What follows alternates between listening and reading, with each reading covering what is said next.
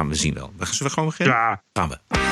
This is the TPO podcast. Nederland veel te lief voor zakkenrollers, uitgeprocedeerde asielzoekers en IS-vrouwen. Het rechtssysteem in Nederland is, is, is echt te lief voor zulke terroristen.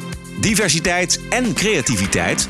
Alle kunst is gelijk. Of wij een internationale kunstenaar uitnodigen voor een tentoonstelling of een uh, slechtziende. We willen iets laten zien wat belangrijk is voor de hele gemeenschap. En GroenLinks schrikt van het verband tussen islamitisch en islamitische staat. Ik ben er zelf ook wel, eh, ik zeggen, een klein beetje van geschrokken dat de link uh, wordt gelegd tussen de islam en terreur. Aflevering 145. Ranting and Reason. Bert Bresson, Roderick Phalo. This is the award-winning TPO podcast.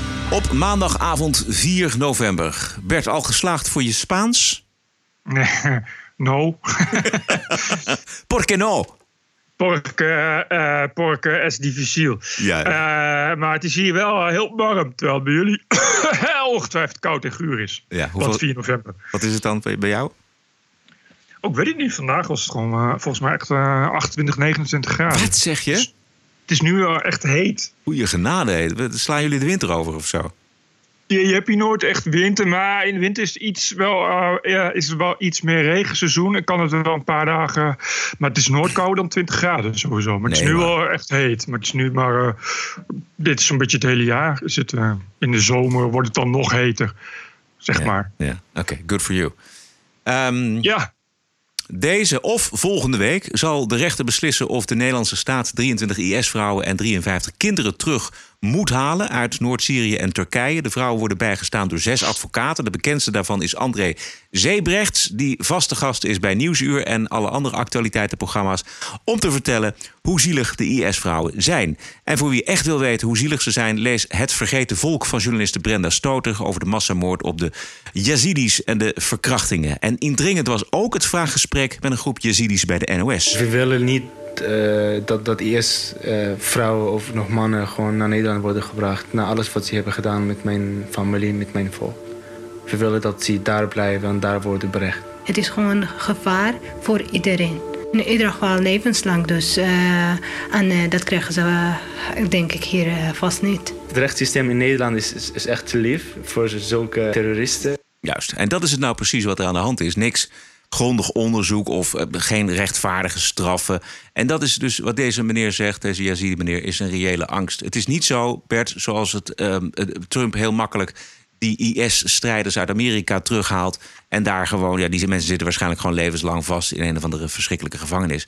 Ja, dat is natuurlijk Nederland niet. Dus hier, als we niks kunnen bewijzen, dan staan mensen ook weer voor hetzelfde geld uh, met dezelfde snelheid weer buiten.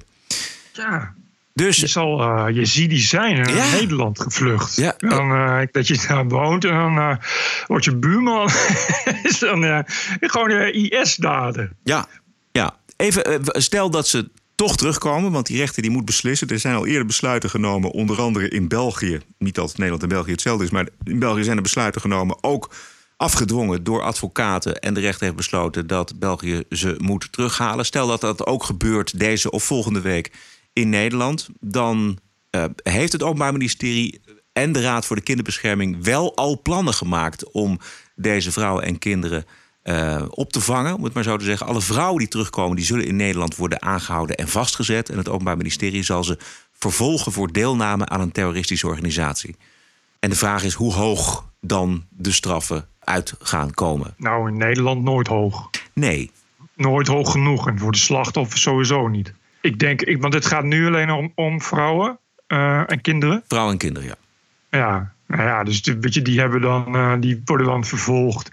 Dus voor deelnemen aan de organisatie, dat kan nogal fors oplopen. Dus dat kan heus nog wel zeven of acht jaar worden als ze pech hebben. Nou ja, dat staan ze over vijf jaar uh, weer in resocialisatie. Ja. Dan kunnen ze zich weer aan een begeleider onttrekken, weet je wel. Dus ja, het is per definitie te weinig. En het enige wat ik vooral heb gezien is, is, dat er uh, nou, door de bekende, uh, bekende intellectuele elite in uh, dag- en weekbladen en, en televisieprogramma's zoveel mogelijk aan is gedaan om daarvoor te pleiten. Want het is gewoon heel menselijk om die mensen terug te halen en op te vangen. En je moet dan ook vinden dat je kan ze heel makkelijk re- deradicaliseren. En ze daar laten is nog, nog veel erger. Dat is het idee wat ik krijg uit de media. Nogal met de natte vinger geoordeeld. De, dat de advocaten zeggen ze moeten zo snel mogelijk terug. Het is veiliger Ja. om ze hier te berechten. Ja, dat begrijp ik ook wel. Maar dat is natuurlijk helemaal nog niet eh, een uitgemaakte zaak. En zeker niet, ook niet die kinderen. Want voor kinderen, ja jongens, we hebben het over kinderen. Maar die kinderen die zijn ook vanaf een bepaalde leeftijd geradicaliseerd. En daar moet je dus ook heel erg mee uitkijken waar, wat je daarmee doet. Ja, ik, die zijn eh, gewoon op hun negende eh, hebben ze leren schieten. Ja, En en- ongelooflijk afslachten, en weet ik veel wat. Ja, daar zien we ook filmpjes van op, de, op, Ja. de- op internet. En als die vrouwen, en als die vrouwen zeg maar, bij gebrek aan volledig bewijs na anderhalf jaar, twee jaar weer op straat staan, dan wil dat natuurlijk helemaal niet zeggen dat zij gederadicaliseerd zijn. Ik snap ook niet hoe je kan denken dat, eh, dat je, dat je die, die hele, hele ideologie eruit krijgt. Het is natuurlijk totale onzin. Want het wil echt niet, heus niet zeggen dat die vrouwen hier nog eens een keer aanslagen gaan plegen. Vast niet. Eh, maar het zijn gewoon aanhangers van een, van een ideologie. En dat blijft zo. Trouwens, ja, maar wacht even, het is helemaal niet zeker, natuurlijk helemaal niet zeker, dat die vrouwen geen aanslagen zouden ple- plegen. Waarom zouden ze dat niet doen? nou ja, nee, ook dat niet. Maar het zijn, ja, precies, dat, zelfs dat weet je niet. Dat is niet, ook geen reden om te zeggen dat ze dat niet doen. Maar voor zover, voor zover we weten gaat het dus inderdaad echt om vrouwen die eh, nou ja, aangetrouwd zijn aan een man die, eh, aan een man die, de, die, die, de, die strijd leverde. En eh, ja, de vrouw die, maar die daar wel voor heeft gekozen. Dus niet als strijdster, maar als vrouw van strijdster, maar daar wel voor heeft gekozen. Volgens mij ook uiteindelijk bereid is geweest om daarvoor te sterven en weet ik veel wat. En het lijkt me sterk dat het ooit mogelijk is om die mensen zo te deradicaliseren dat ze eh, nog op één lijn komen met het westerse gedachtegoed. Ja, precies. Of En dat, weet je, dus, dus, en dat vind ik ook het rare hypocriete ervan. Dat ze willen dan nu wel weer naar Nederland. Maar verder haten ze alles aan Nederland. Ja. Alles wat Nederland verstaat, dat, mo- dat moet kapot. Hebben ze alles daaraan meegeholpen om, om dat kapot te maken? Want dat- dat zijn allemaal ongelovigen. Eh, en, en, en het Westen, dat staat toch maar voor softheid en, eh, en voor eh, geen geloof in het hiernamaals. En als het puntje bij paaltje komt, dan moeten we daar ineens gebruik van maken.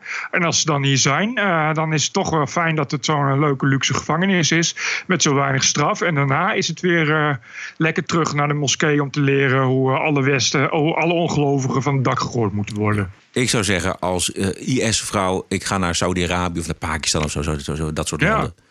Dat Ehm, snap ik dus ook niet. Nee. Zondag dook er een IS-terrorist uit Gouda op in een video eh, gemaakt door een verslaggever van de Washington Post. Die opname had gemaakt in een gevangenis in Noord-Syrië. Het gaat om Yasser A. Dat is een Egyptenaar die trouwde met de Nederlandse Mandy. Die ging in Gouda wonen. En het was ooit een gezellige boy, maar eh, radicaliseerde in Nederland. En hij vertrok in 2015 naar de Islamitische Staat. Vrouw en kinderen die volgden. En dit is wat Yasser A. tegen de verslaggever van de Washington Post te zeggen had. Where are you from? I'm Egyptian from Holland. I come from Holland. We don't have human rights. We are uh, uh, in jail for eight months and we don't know why. What, what we did. If we are guilty, we are ready for punishment. If we are not guilty, we need to, to be out with the people. We need the freedom. We are eight months. We, we stay between dying. Between dying children, between dying people. No enough medical help. No enough food. Our family, we don't know something about our family. They sit in camp. Children, we don't know if they die, our children, our family. Our wishing to meet uh, our family and we live like normal people, like how we live. If we come to help the Syrian people, now we need the help by ourselves. Why nobody won't help us?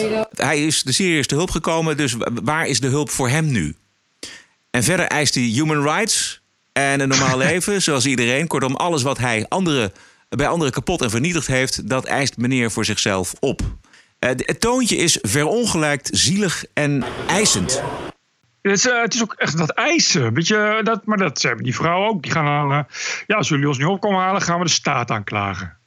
Ja, weet je, de staat en Nederland aanklagen. Voor wat? We, eh, eh, die, die vrouwen wisten toch van tevoren waar ze heen gingen.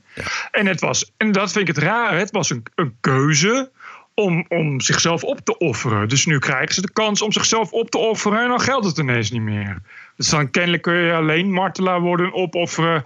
als je dat eh, op, de, op de meest fijne manier doet. Als dat een beetje, beetje, beetje gewelddadig en op het veld van eer is. Maar als je nu dan eh, moet creperen van de Syrische gevangenis. dan, is het niet, dan vindt Allah dat niet goed of zo als martelaar. Zou zeggen, een beetje, een beetje trots. Een beetje, hè, een beetje voor je eigen zaak staan. Ja. Ik, zou, ik zou zeggen, ik, ik zou eisen dat ik daar mag blijven en dat ik daar mag wegkwijnen. Alles voor de goede, voor de goede, goede naam en eer van, eh, van je geloof, nietwaar? Het hoog van de minaret blazen over mensenrechten. eh, even in perspectief. De- op, op de Belgische televisie kwam ik een Vlaams parlementslid tegen. Een vrouwenrechtenactiviste. Daria Safai. En eh, zij kreeg deze vraag. U heeft ook altijd gestreden voor vrouwenrechten. Hebben IS-vrouwen ook rechten voor u of niet? Het gaat eh, over mensenrechten in het algemeen, maar de IS-vrouwen hebben tegen onze rechten gestreden. Zij willen geen mensenrechten, zij willen sharia. Juist. En sharia is duidelijk over mensenrechten. Mensen hebben geen rechten tenzij degene die Allah in Koran heeft geschreven. Dus dat is een heel gevaarlijke ideologie. En deze mevrouw kan het weten, want zij heeft de sharia in Iran aan den lijve ondervonden. En zit nu voor het nieuwe Vlaamse alliantie in het parlement, een soort, een soort FVD. Nou ja, wat zij zegt klopt. Ze willen, toch, ze willen toch sharia? Nou, nou hebben ze dat. Ja, Wat maar is- wat- hoezo wat Wat is nou mensenrechten? het probleem? Ja. ja.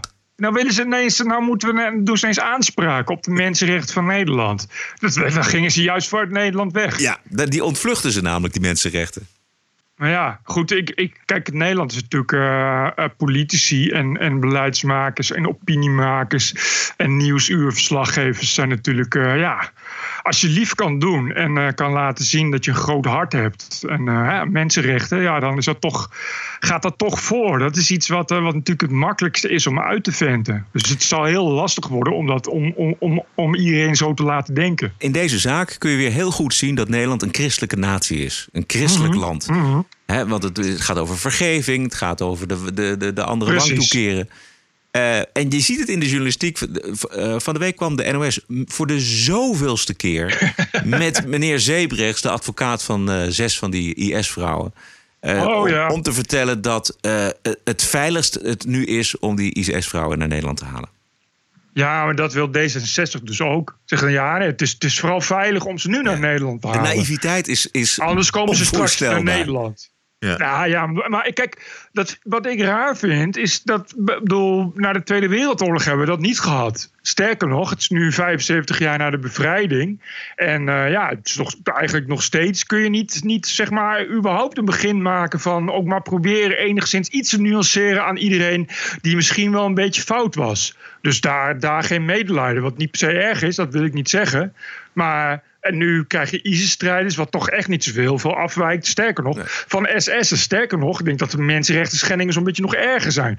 Eh, althans, ik bedoel, die, de Oostfrontstrijders destijds die in Rusland gingen... die waren niet allemaal eh, gelijk aan eh, wat ISIS-strijders hebben gedaan, zou ik maar zeggen. Er was toch ook niemand die zei, oh, ja... Ja, ze was wel heel erg, die Oostfrontstrijders, die jonge SS'ers. Nou ja, jeugdfoutje, hè, dat kan gebeuren. Nee, maar maar we da- ze maar hier terughalen en berechten. Ja, daarvoor was de- ook het aandeel van Nederland in de Jodenvervolging natuurlijk veel, eh, relatief veel groter dan elders in Europa. En dat schuldgevoel heeft, lag aan de grondslag aan een eh, eindeloze veroordeling terecht trouwens. Van iedereen die fout was in de oorlog. Maar het, het lijkt wel alsof eh, die fout eh, eh, nu willen goedmaken en veel Precies. gematigder willen zijn naar eh, dit soort beesten. Want beesten zijn het. Ja, maar dat is wel hypocriet. Natuurlijk. Want het- dat is knetterhypocriet. We zijn niet alleen christelijk, we zijn ook een hypocriete natie. Je zou toch ook eens een keer kunnen zeggen... nou, het komt nu toch allemaal mooi uit dat ze daar zitten. Laat ze lekker daar zitten. Nou ja, en als er een verzoek komt van de Koerden om ze terug te nemen, dat verzoek heb ik trouwens nog niet gezien.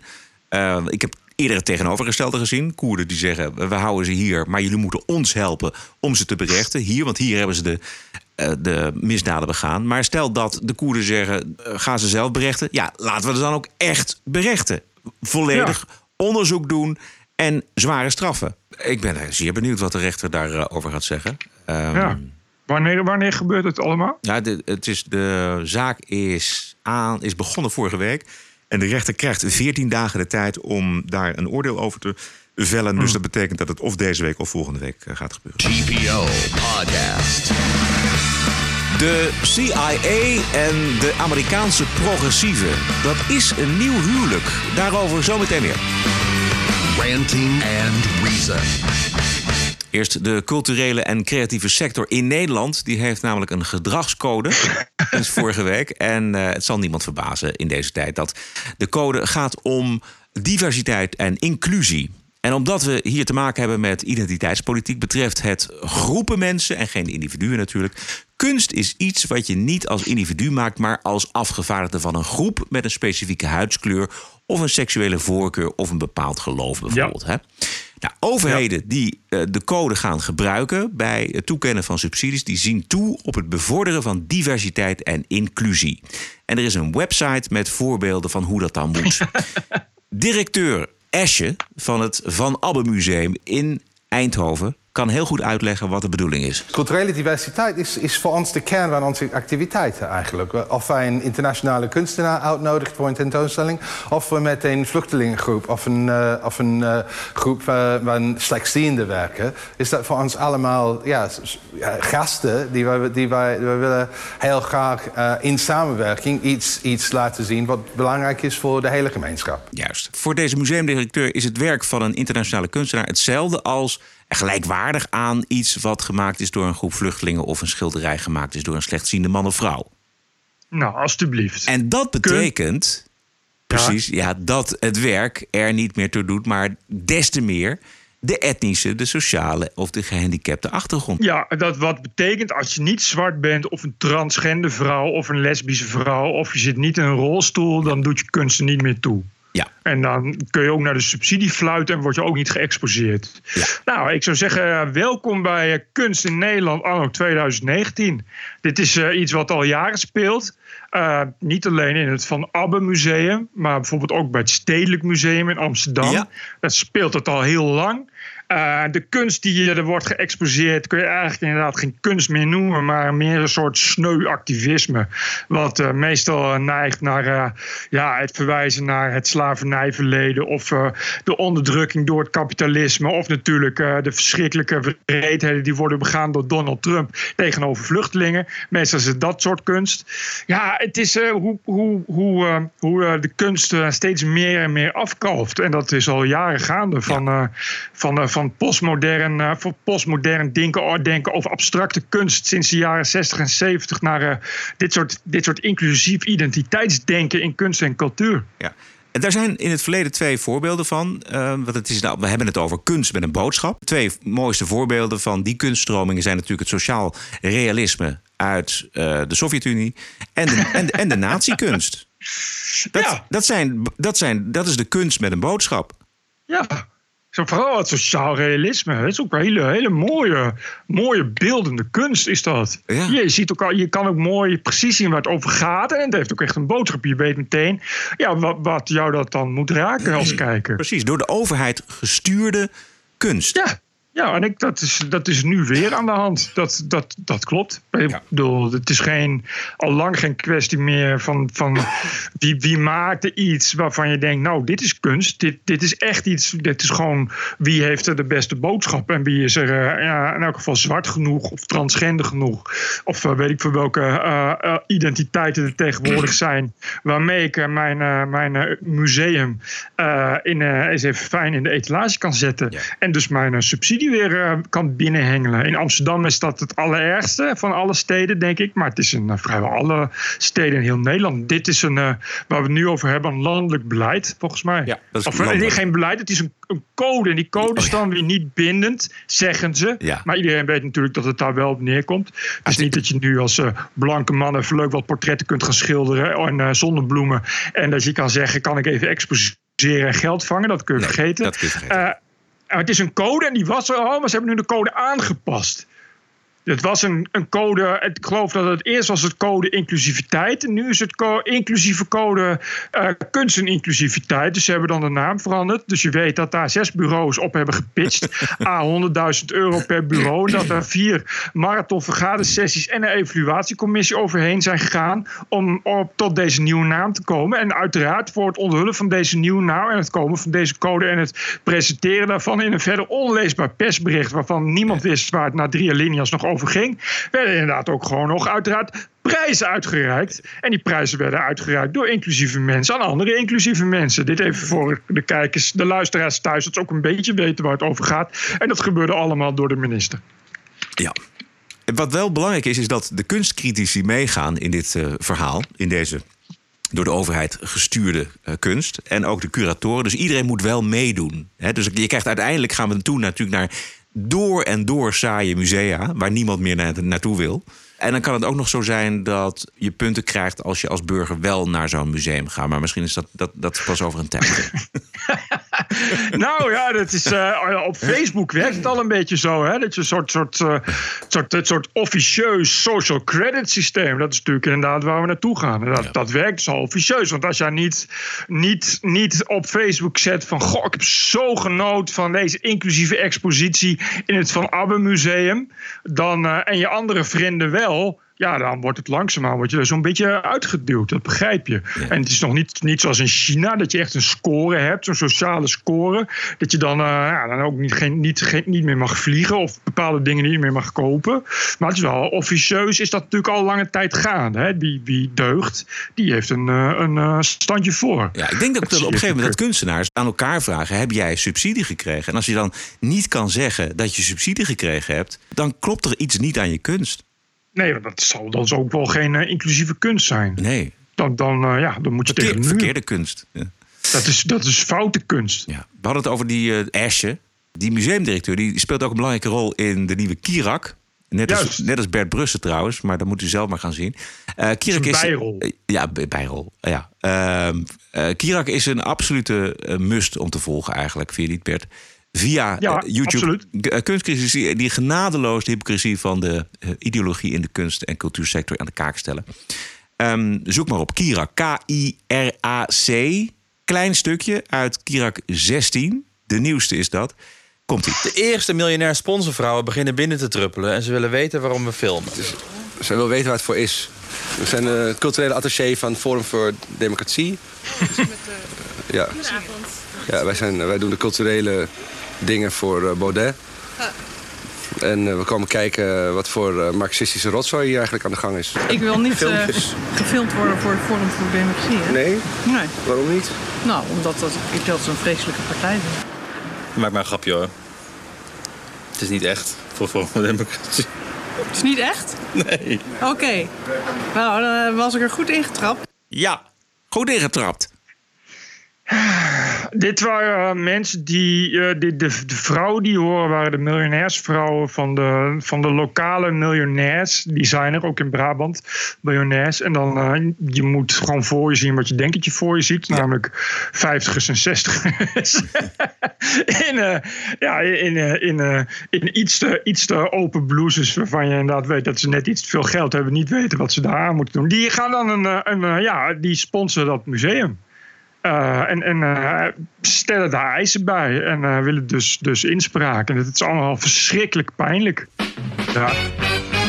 This is the TPO podcast. Vorige week hadden we het al over de gebedsoproep. Eh, Bert, die gaat klinken in een deel van Amsterdam om te beginnen. Afgelopen week werd er uh, over dat voornemen gedebatteerd in de Tweede, of in de Tweede Kamer, in de Amsterdamse gemeenteraad natuurlijk. U hoort een bloemlezing van twee minuten met achtereenvolgens de VVD, Forum, ChristenUnie, D66, CDA, Bijeen en nog een keer CDA. En tot slot GroenLinks. Ik vind het een zeer onverstandige gang van zaken van de Blauwe Moskee... om dit gewoon eigenlijk min of meer op te leggen aan omwonenden. Deze oproep is een strijdkreet. De door moslims en islamapologeten vaak gemaakte vergelijking met kerkklokken gaat niet op. Er wordt de Amsterdammers letterlijk toegeschreeuwd dat er maar één God is, de grootste nog wel. En er hoort ook bij het hele verhaal wat ze dan gaan roepen... een gebod om naar de moskee te komen. En dat is niet wat klokgebeier inhoudt. Het is een non-verbaal geklingel van kerkklokken... die bovendien ook van alles kan aanduiden. Uh, een begin van een dienst, een begrafenis, een huwelijk... of gewoon hoe laat het is. Arabische teksten, die gezien de recente historische aanslagen en dezelfde tekst die daarbij geregeld wordt geuit, tot onrust leidt, tot angst ook. En die is wel wezenlijk.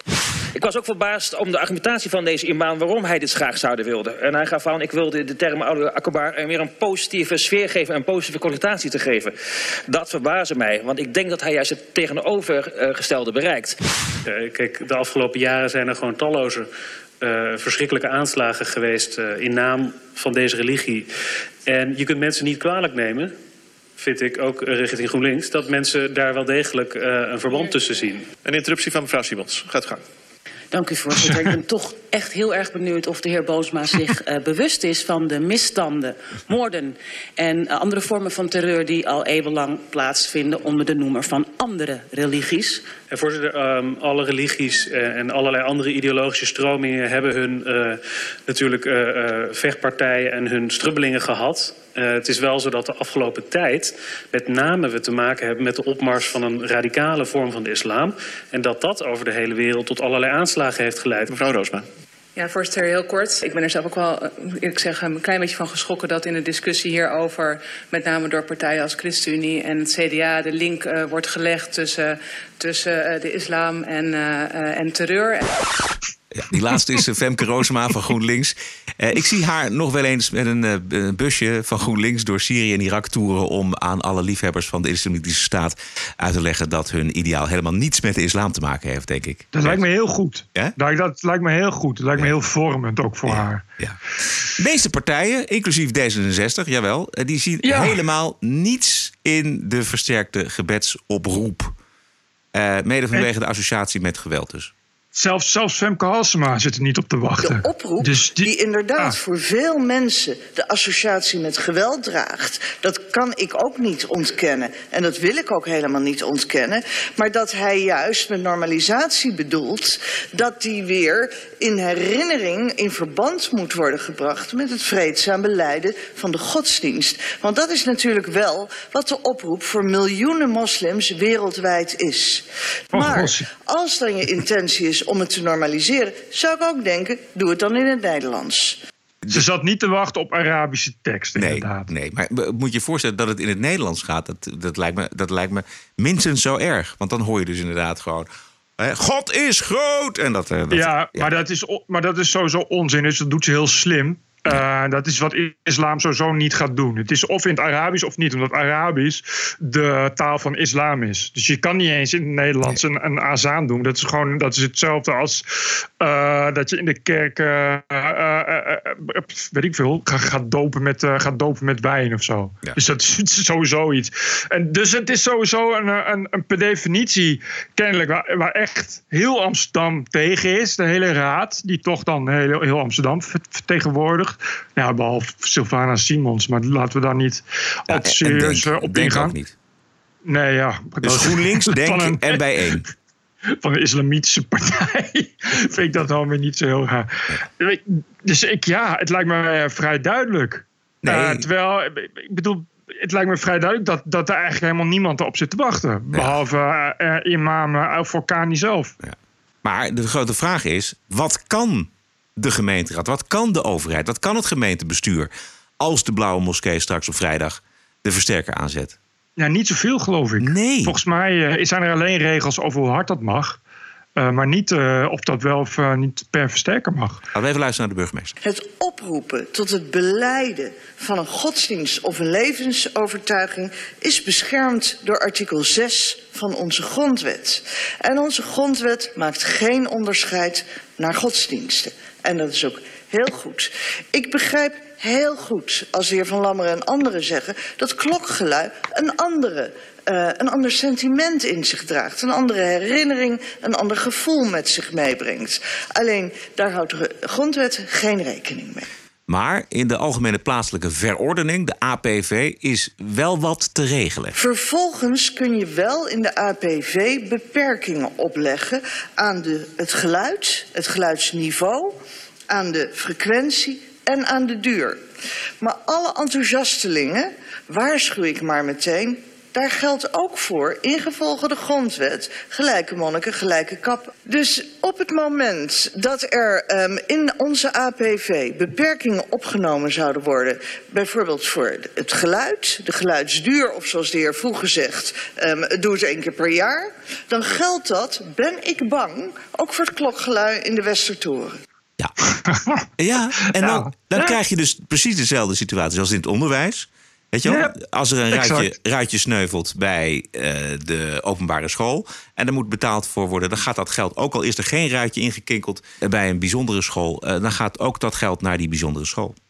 Ja, nee, en sterker nog, als een, eh, als een gemeenteraad eh, weigert een islamitische school eh, te, te, te, te laten openen in de gemeente, dan moet de minister, minister alsnog zorgen dat die islamitische school er wel mag komen. Omdat dat nou eenmaal moet van de grondwet. En dat is hier net zo. Dus ja, en dit is waar islam om draait en om gaat draaien de komende tijd, dames en heren. Over een, eh, een, eh, een tolerante grondwet en over een grondwet waarin we graag eh, iedereen gelijk willen behandelen. En over een vrijheid van godsdienst waar we al eeuwen relatief goede zaken, goede ervaringen mee hebben. En tegelijkertijd een eh, ideologie die daar eh, heel handig gebruik van wil maken. En daar ook zeker gebruik van zal maken. En door dat te doen zich steeds verder zal kunnen gaan opdringen aan mensen. Ja. Want we hebben al eerder verhalen eh, gelezen in Parool, maar ook in andere media, dat eh, steeds meer moskeeën in Amsterdam worden overgenomen door salafisten. En die salafisten, Mhm. daar valt volgens mij niet mee te overleggen. En die gaan zeker ook voor eh, de versterkte oproep. En we hebben het niet alleen over Amsterdam hier. We hebben het ook over andere grote steden. Den Haag, Rotterdam, Utrecht. Kan op een gegeven moment de versterker aan. Die handeling wordt eh, beschermd door de grondwet. Dat kan wel heel erg gaan eh, betekenen dat het, eh, het geluid eh, in Nederland gaat veranderen. Nou, het zal ook heel erg gaan betekenen dat nog meer mensen op populistische partijen gaan stemmen. Dus wat dat betreft eh, eh, ze hebben we nog steeds een eh, mooie tijd tegemoet. Eh, Het is weer extra koren op de molen van populistische partijen. Moeten we het nog hebben over de aanhang van populistische partijen? Je was eh, lekker bezig met het verdedigen van eh, Chris Alberts. Oh, dat. Ja, maar dat heeft niet per se iets met populistische partijen te maken. Dat heeft te maken met sommige eh, mensen die eh, FVD-aanhanger zijn. Eh, en nou wil ik helemaal niet zeggen dat het in alle andere partijen niet zo is. Maar bij FVD is het soms wel heel erg duidelijk dat het mensen zijn die enerzijds continu bezig zijn met, het, roepen, met het aanroepen van Theo van Gogh en Pim Fortuyn. En het, en het roepen dat ze strijden zijn voor de vrijheid van meningsuiting. En vooral vinden dat hun vrijheid in Nederland wordt onderdrukt. Maar op het moment dat iemand iets zegt of iets schrijft waar zij het niet mee eens zijn, als eerste roepen dat dat niet moet mogen en dat het maar eh, verboden moet worden of moet worden gecensureerd. Eh, dus dat vind ik er nogal uh, nou, een, een uh, op zijn minst aanmatigend van die mensen. Dus ik vind dat je dat niet duidelijk genoeg kan stellen. Dat een partij als de FVD, die toch uh, stevig populair is en stevig in opkomst is. Uh, en, en natuurlijk een specifieke weg behandelt en, een, en naar een bepaalde specifieke richting wijst. Dat daar een groep aanhangers van zit die helemaal niets moet hebben van een bepaalde vorm van vrijheid. Terwijl ze dat zeggen wel te hebben, maar dat is dan een leugen. Ja. Er was een hoop aversie tegen wat je schreef, maar ik kreeg ook heel veel bijval. Ja, ik, ik, ik, ik bedoel, uh, ik, uh, die aversie is eerst wat ik op reken. Dat is, maakt het ook wel zo leuk.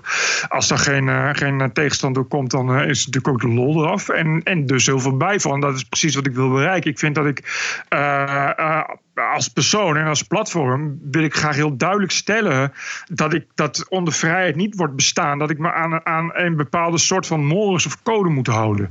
Uh, en als Chris Alberts daar wil schrijven en TPO wil dat en ik wil dat, dan blijft het zo. En daar ga ik niet. De, de, als je daardoor uh, gaat dreigen en intimideren. Uh, of probeert te chanteren door te zeggen: anders ga ik niet betalen en zo. ben je echt bij mij aan het verkeerde ja. adres. Ja. En, en, en absoluut, wat mij betreft, ook echt aan het verkeerde adres van vrijheid. Dan heb je gewoon iets helemaal niet begrepen van vrijheid. En dat vind ik het beangstigend. Ik las reacties als mensen die zeiden: Nou, uh, als het zo is dat Chris Albert zomaar FVD kan demoniseren. dan ben ik er wel voorstander van om toch niet zo'n groot aanhanger van de vrijheid van meningsuiting te zijn. En dat vond ik.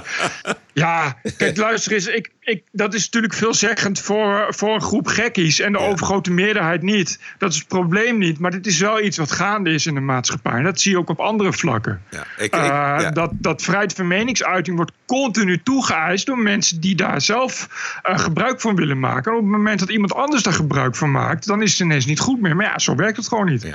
Nee, ik, ik, was het ook helemaal eens met jouw uh, stuk. Het enige wat ik me afvroeg of het nodig was om de hele FVD-aanhang over dezelfde kant te scheren. Nou ja, nee, maar dat, ik bedoel, uh, uh, natuurlijk, natuurlijk is het, gaat het, scheer je dan de hele FVD-aanhang over dezelfde kam. Maar ja, het gaat om, om FVD-aanhang. Dus daar zitten natuurlijk heel veel goede mensen bij, maar ook heel veel slechte mensen. Inderdaad, mensen die zeggen ja, ik, ik uh, had graag de post online willen ondersteunen, maar dat doe ik niet omdat Chris Alberts schrijft. Nou, dat, dat is iets wat bij mij zo in het verkeerde keelgat schiet. Niet dat ze de post online niet willen, on, willen ondersteunen, maar dat als je iets verder een heel mooi platform vindt, dat je dan vanwege één auteur eh, eh, zegt van dat hele platform niet meer wil. Dat vind ik iets, iets heel beangstigends hebben. Terwijl, en ik wil dat, dat, dat zo veel mogelijk benadrukken. Ja, ja. En terwijl de Postal Light begonnen is ooit met een veel ja, diverser. Hoe zeg je dat nou? Nou ja, als, als, een veelzij, ja, als een veelzijdig platform. Als iets als een, eh, als, als een, als een breed platform. Ja, was bijna het, inclusief. Maar- Als een nee, maar- inclusief platform. Nee, maar ik bedoel, het is begonnen om, om juist als reactie op het feit van, van de eenvormigheid van de mainstream media. Dat daar altijd hè, een bepaald geluid aan bod komt en dat er nog eh, duizend meningen zijn in Nederland die je ook wilt kunnen horen. En dat is natuurlijk best wel afgeweken naar rechts. En dat vind ik ook helemaal niet erg. Eh, en ik ben er ook helemaal niet voor om, eh, om eh, dat al continu dan maar in zijn uiterste consequentie door te drukken en de meest verschrikkelijke rare SJW-mening of weet ik veel wat eh, erop te zetten. Maar ik vind wel dat je dan, eh, juist als het al rechts is, dat dan iemand als Chris Alberts, en dat is de enige die het doet en het is ook de enige die het zo doet, eh, en die dat bij heel veel politieke partijen heeft gedaan en zal blijven doen, die dat nu bij, bij FVD doet, dat die dan nu nou, bedreigd wordt en, eh, en wordt uitgescholden. Dat is iets waar ik, waar ik, waar ik veel standards van maken. En ik ben bereid eh, daarvoor tot het uiterste te gaan. Weet je, als mensen dan zeggen: ik zeg mijn lidmaatschap op, dan zeg ik: nou, toedeledokie, dan moet je dat lekker doen. Dat is echt niet iets waar ik. Die mensen zeggen ook van ja, je moet meer naar je achterban luisteren. En dat vind ik helemaal niet. Ik vind helemaal niet dat ik naar mijn achterban moet luisteren. Ik, ik, ik weiger naar mijn achterban te luisteren. Ik bedoel, eh RTL 4 luistert naar de achterban. Maar ja, dat is prima, omdat je daar ook op je achterban een gerichte boodschap maakt. Maar ik maak helemaal geen op een achterban gerichte boodschap. Ik zeg wat ik wil en eh, dat blijf ik willen zeggen. En als je een fan bent van Theo van Gogh en Pim Fortuyn, dan moet je daar ook heel blij mee zijn. Dus het beschaamt mij en het verbaast mij dat er zoveel mensen zijn die dat niet trekken. En dat die mensen zeggen, je moet je bek houden. Chris Alberts moet zijn bek houden. Die mensen zouden juist hun handen fijn moeten knijpen dat er een platform is waar dat allemaal zomaar kan. Terwijl het zo'n leuke oefening is. Andermans mening verdragen. The FM Talk Station. The Rush 24 7 Podcast. Los Angeles. And now, America's most exciting radio talk show, The Savage Nation. And we're here. How the hell did we get here? TPO Podcast. News Talk Radio 77. WABC. New York City. Ja, we zijn inmiddels aanbeland in Amerika. Impeachment is onderweg. De democratische meerderheid in het Huis van Afgevaardigden heeft afgelopen week voor een vooronderzoek gestemd. Ehm, opvallende conversatie uit de Deep State, Bert. Aantal Ja. eh, voormalige CIA-bazen op één bank op de Amerikaanse tv-zender C-SPAN. The impeachment inquiry is underway, sparked by a complaint from someone within the intelligence know, community. the it funny- feeds the president's uh, concern and often used term about a deep state being well, there to take you know, out. thank God for the deep state.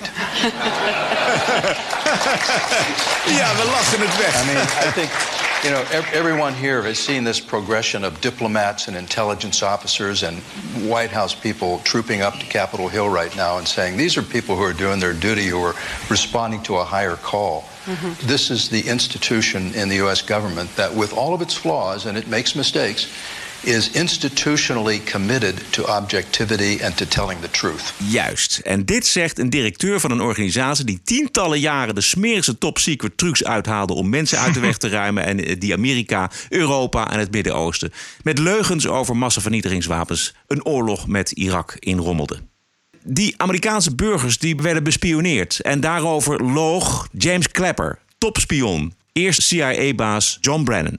As far as the allegations of you know CIA hacking into you know Senate computers, nothing could be further from the truth. I mean, we, we wouldn't do that. So, what I wanted to see is if you could give me a yes or no answer to the question Does the NSA collect any type of data at all on millions or hundreds of millions of Americans? No, sir. The Director of National Intelligence in March did directly lie to Congress, which is against the law. He said that they were not collecting any data on American citizens. You're talking about James and it- Clapper.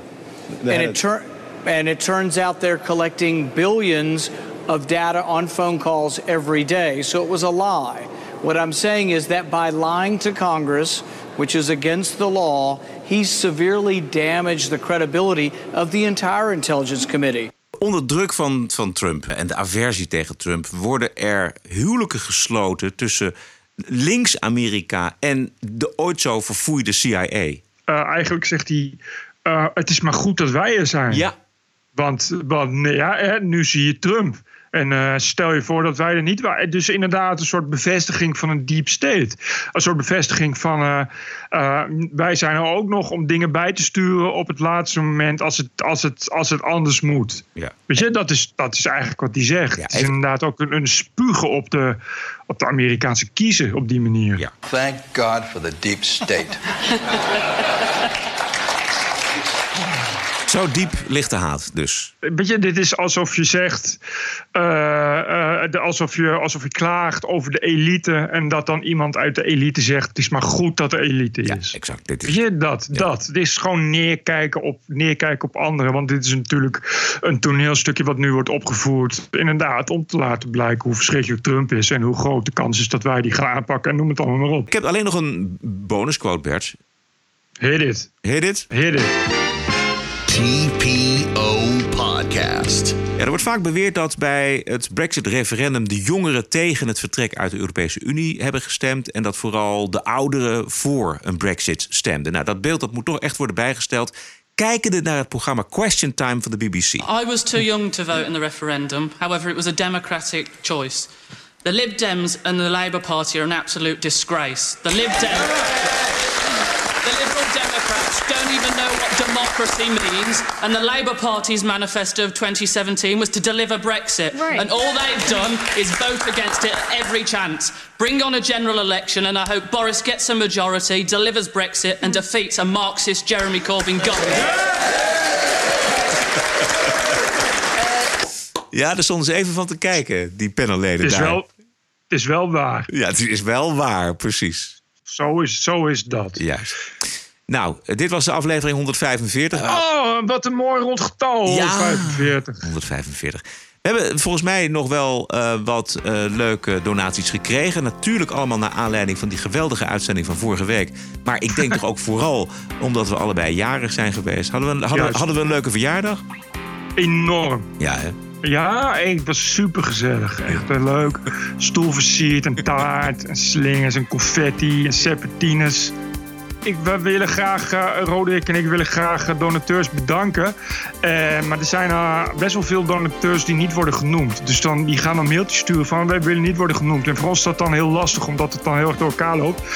Wat mij een goed idee lijkt, is als mensen die hebben gedone- gedoneerd of gaan doneren of nog doneren. En die willen graag worden genoemd, dat die mailen. Dus als jij wil graag wil worden genoemd in de TPO podcast, moet je even een mailtje sturen met ik wil graag worden genoemd. Ja, en dat mag je, mag je ook een verhaaltje bij schrijven waarom je het Ja, leuk precies. vindt en waarom je doneert en hoe vaak je Precies. doneert en wat je in het dagelijks leven doet. Dat vinden we allemaal leuk om te lezen. Dan weten wij ook een klein beetje voor wie we het doen. Dus, en die mailtjes die kunnen waarheen, Bert? Info.tpo.nl info.tpo.nl Waarderen en doneren kan via tpo.nl slash podcast. Wij zijn terug dinsdag 12 november. Heb een mooie week en tot dinsdag. Tot dinsdag. TPO Podcast. Bert Bruson, Roderick Balo, ranting and reason.